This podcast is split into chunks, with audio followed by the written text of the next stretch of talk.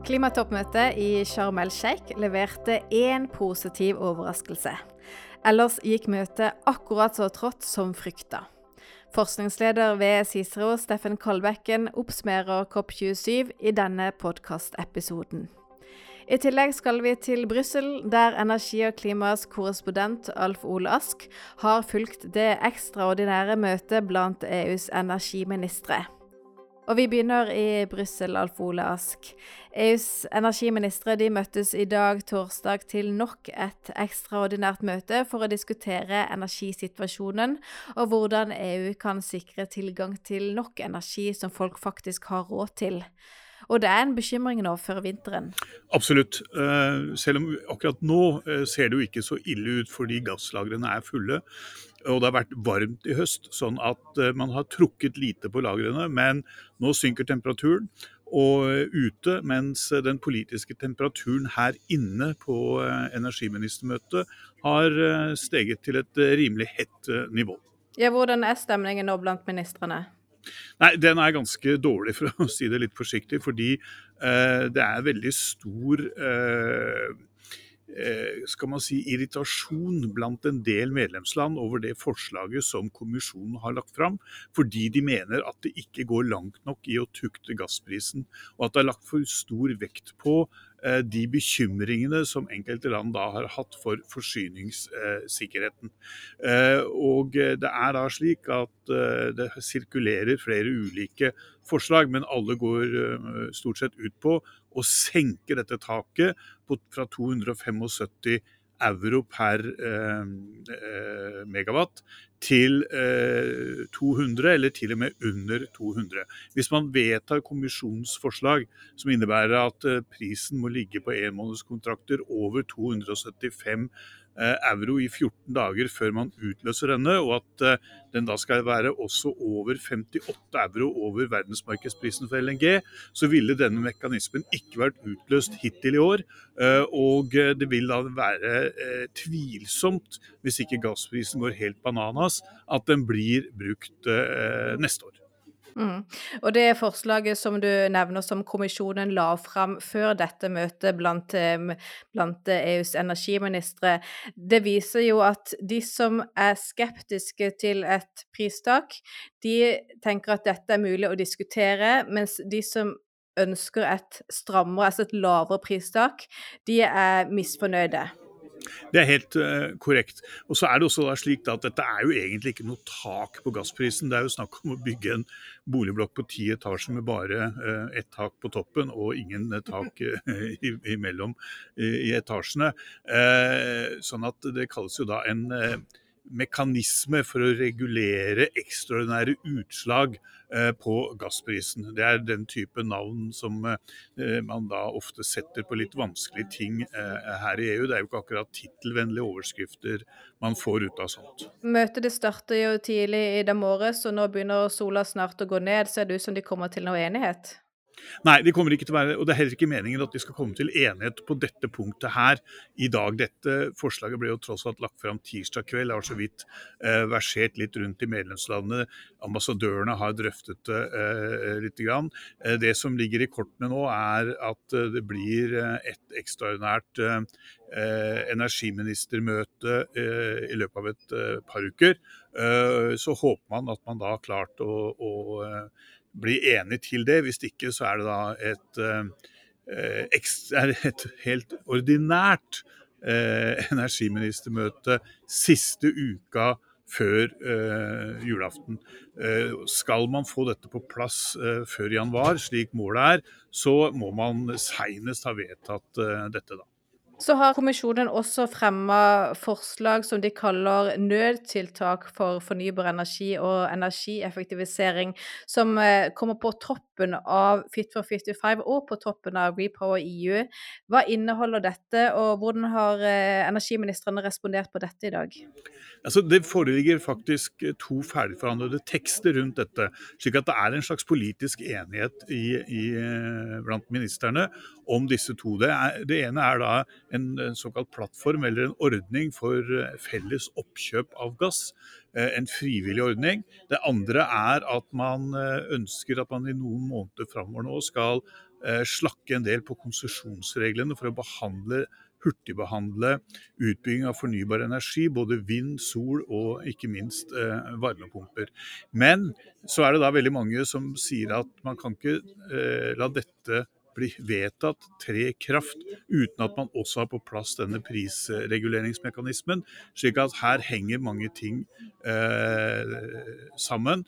Eh, og det er lite trolig at eh, vi får eh, dette vedtatt endelig før uh, alt er på plass. Men det er en slags politisk avklaring, uh, og har vært det en, en, noen dager, når det gjelder denne gassopphandlingsplattformen, uh, eller egentlig et innkjøpsmonopol, og når det gjelder raskere behandling av konsesjoner for fornybar energi.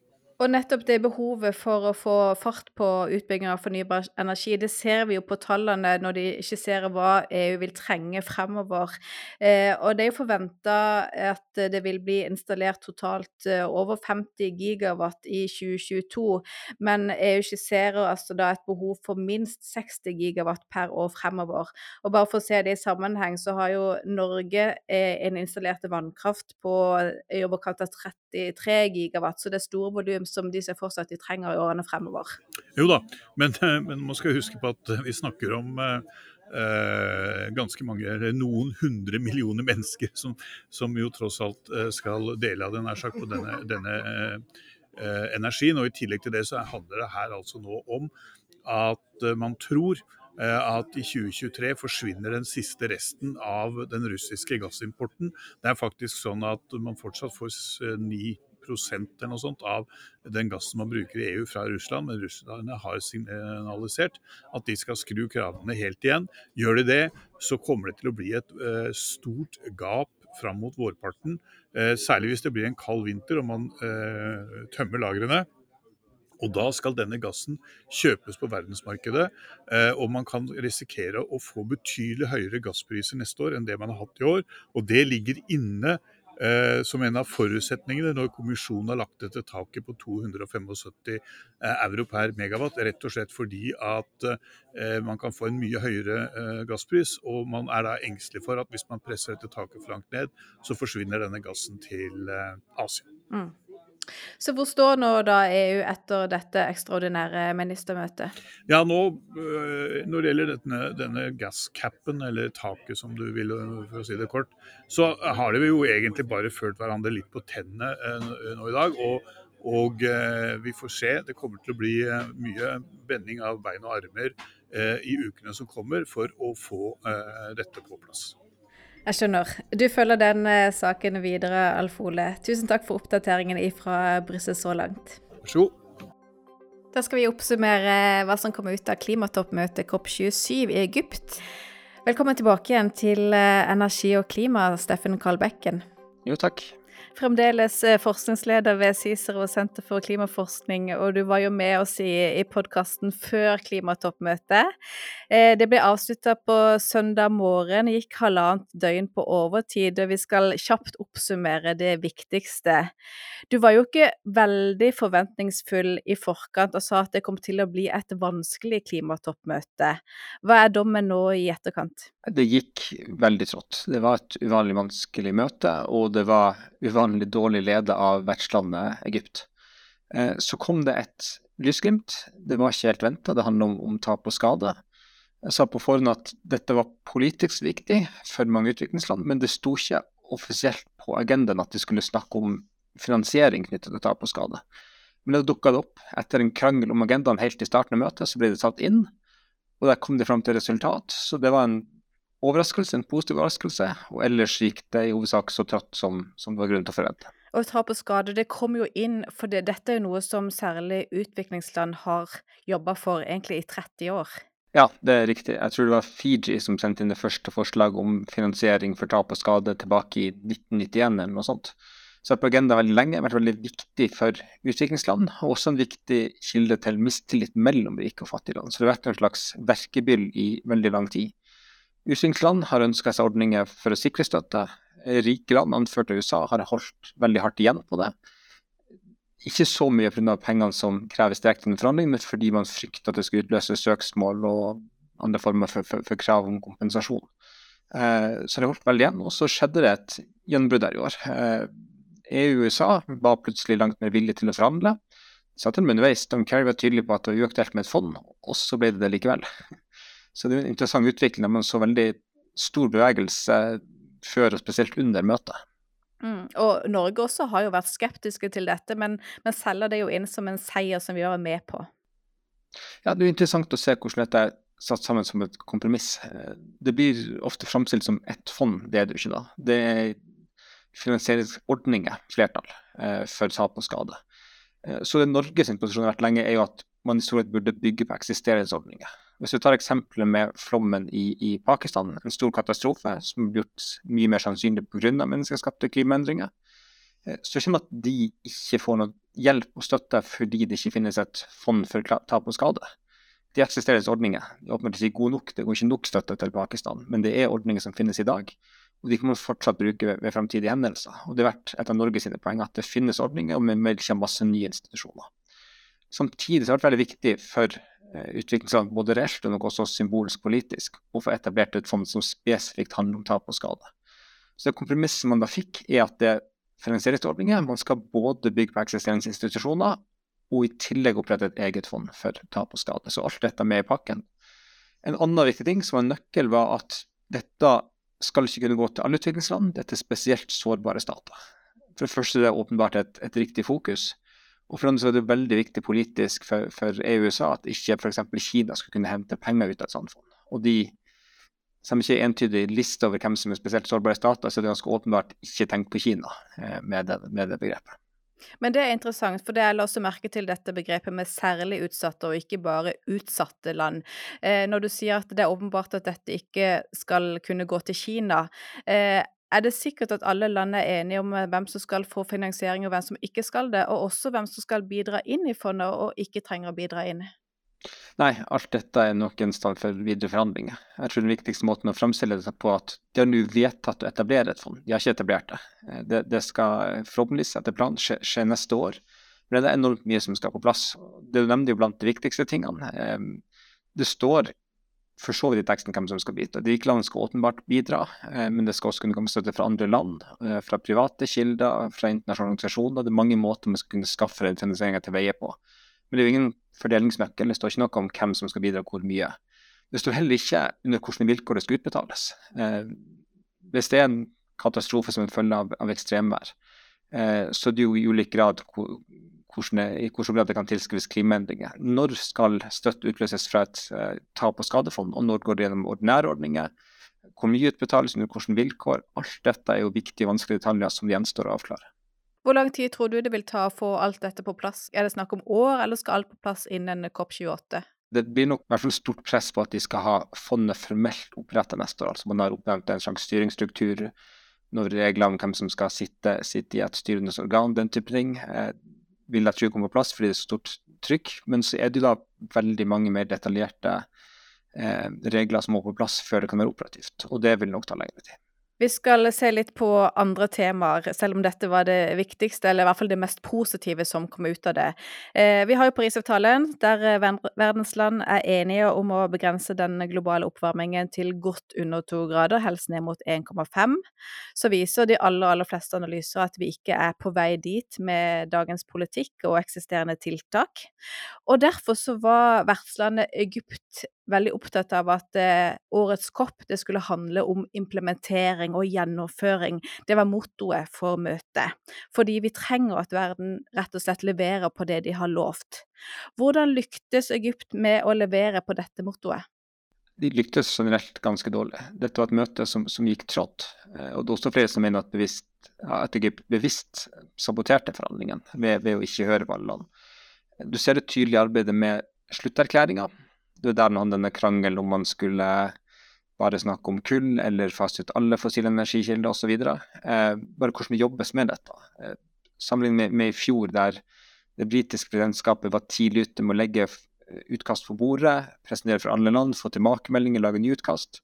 Her kom det veldig seint fra Egypt. Eh, det involverte ikke alle land i diskusjonene. Det var forslag som kom fra mange land spesifikt på dette med å, å, å fase ned alle fossile brensler, ikke bare kull som aldri ble tatt inn i teksten, de ikke ble testa om dette var noe som kunne få, få konsensus. Eh, så, så, det var i hvert fall dårlig jobba med slutterklæring andre deler av, av forhandlingen, og kanskje også bevisst dårlig jobba med dette. Men det er jo egentlig et krav om at vertslandet mer skal være som en nøytral part og tilrettelegge for alle, og ikke, ikke, ha sin egen agenda, er det ikke det? Det finnes regler, det, det er riktig, men, men, det er allikevel mye som er opp til et eh, presidentskap. De kan påvirke forhandlinger på mange måter, eh, og det er ikke alltid lett å skille mellom inkompetanse og, og, og strategi. Eh, det man så, var i hvert fall at Eh, store oljeland. Eh, Saudi-Arabia, Russland og for også Kina, som ikke er et oljeland, men en viktig aktør der, eh, fikk mye sånn som de ville ha det her. Eh, vi fikk det ene store gjennombruddet på tap og skade. Ellers gikk det ganske trått. Det gikk ikke spesielt mye framover på utslippskutt. For meg så mener jeg at det, det, er det viktigste, ikke for å undervurdere betydninga av å håndtere tap og skade, klimatilpasning, men ved å kutte utslippene så mye som mulig, så reduserer vi behovet for eh, klimatilpasning, tap og skade alt annet. Så det er på en måte der det starter. Eh, og det gikk jo flott. De foreslo, eller ikke foreslo, de vedtok en ny ting i, i Glasgow i fjor som hadde potensial til å bli en ny kraft her.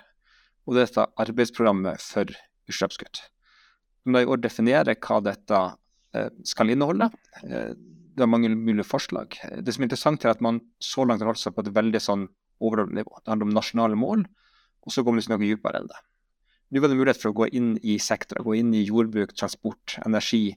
Eh, se på hva man gjør, potensielt eh, sette standarder, sektormål, den typen ting, som kunne vært en ny drivkraft. Eh, det fikk man ikke.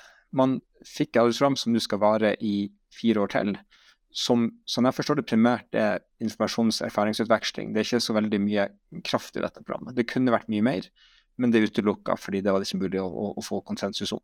Så f.eks. dette med, med ja, eh, nye mål er ikke mulig under dette programmet. Ja, for du har jo tidligere hatt et håp om at dette arbeidsprogrammet kunne bli ganske betydelig. Er det kjørt nå, eller kan det komme på agendaen på en bedre måte neste år? En del ting er allerede vedtatt, så det skal være fire år, men det kan forlenges. Eh, og det er jo alltid mulig å gå tilbake og reforhandle, men det er ofte vanskelig. Når et løp er starta, så fortsetter det ofte i, i, det samme sporet. Eh, men jeg ser en forskjell på det formelle og politikken rundt det. Eh, skal huske på at Parisavtalen og FNs klimakonvensjon de setter, de setter rammen for hva nasjoner gjør. Eh, og kan påvirke både positivt og negativt hva, hva land gjør. Men, men kjernen i dette er jo nasjonal klimapolitikk. Så spørsmålet er hvordan dette da ender opp med å påvirke det nasjonale. Eh, så kanskje Den viktigste rollen Parisavtalen har, er jo å sette klimapolitikk på dagsordenen. Under COP så deltar politikere fra hele verden og mange statsledere. Det er stor oppmerksomhet i media, sivilsamfunnet mobiliserer. Så det er jo en anledning til å snakke om klimapolitikk og drive det framover. Eh, og spesielt da når det er runder med nye nasjonale mål, som skal i utgangspunktet være hvert femte år, men det var en slags ekstrarunde i år fordi det ikke var blitt ambisiøst nok. Den ekstrarunden gikk for øvrig ikke spesielt bra. Det var ikke veldig mange land og ingen spesielt stor innstramming utover Australia. Eh, så, så, så, det har altså, Alt er ikke tapt, men, men det kunne vært en sterkere drivkraft enn det nå ligger an til å bli. Så hva er det konkret egentlig dette arbeidsprogrammet inneholder nå? Det, det, skal være en, en serie, eh, eller to årlige eh, møter. Eh, man skal utveksle informasjon, dele erfaringer. Det skal foregå fram til 2026. Eh, men altså ikke kobla noe til eh, nye mål, f.eks. kunne vært mulighet. Eh, benchmark et ord som har vært nevnt. De mulighetene er, er dessverre ikke på bordet lenger. Okay. Eh, behovet for eh, finansiering av tap og skade, som du nevnte, også klimatilpasning, det kan jo bli enormt hvis verden ikke klarer å bremse klimaendringene og hindre de mest alvorlige konsekvensene. Og som du sa, likevel så klarte ikke verdens statsledere å bli enige om verken at utslippene skal nå en topp, f.eks. Innen, eh, senest innen 2025, og heller ikke ble de enige om at fossil energi, ikke bare kull, men også olje og gass, må fases ned og etter hvert ut av den globale energimiksen. Og mange land ønsker jo slike formuleringer med i slutterklæringen til, fra Sharm el-Sheikh.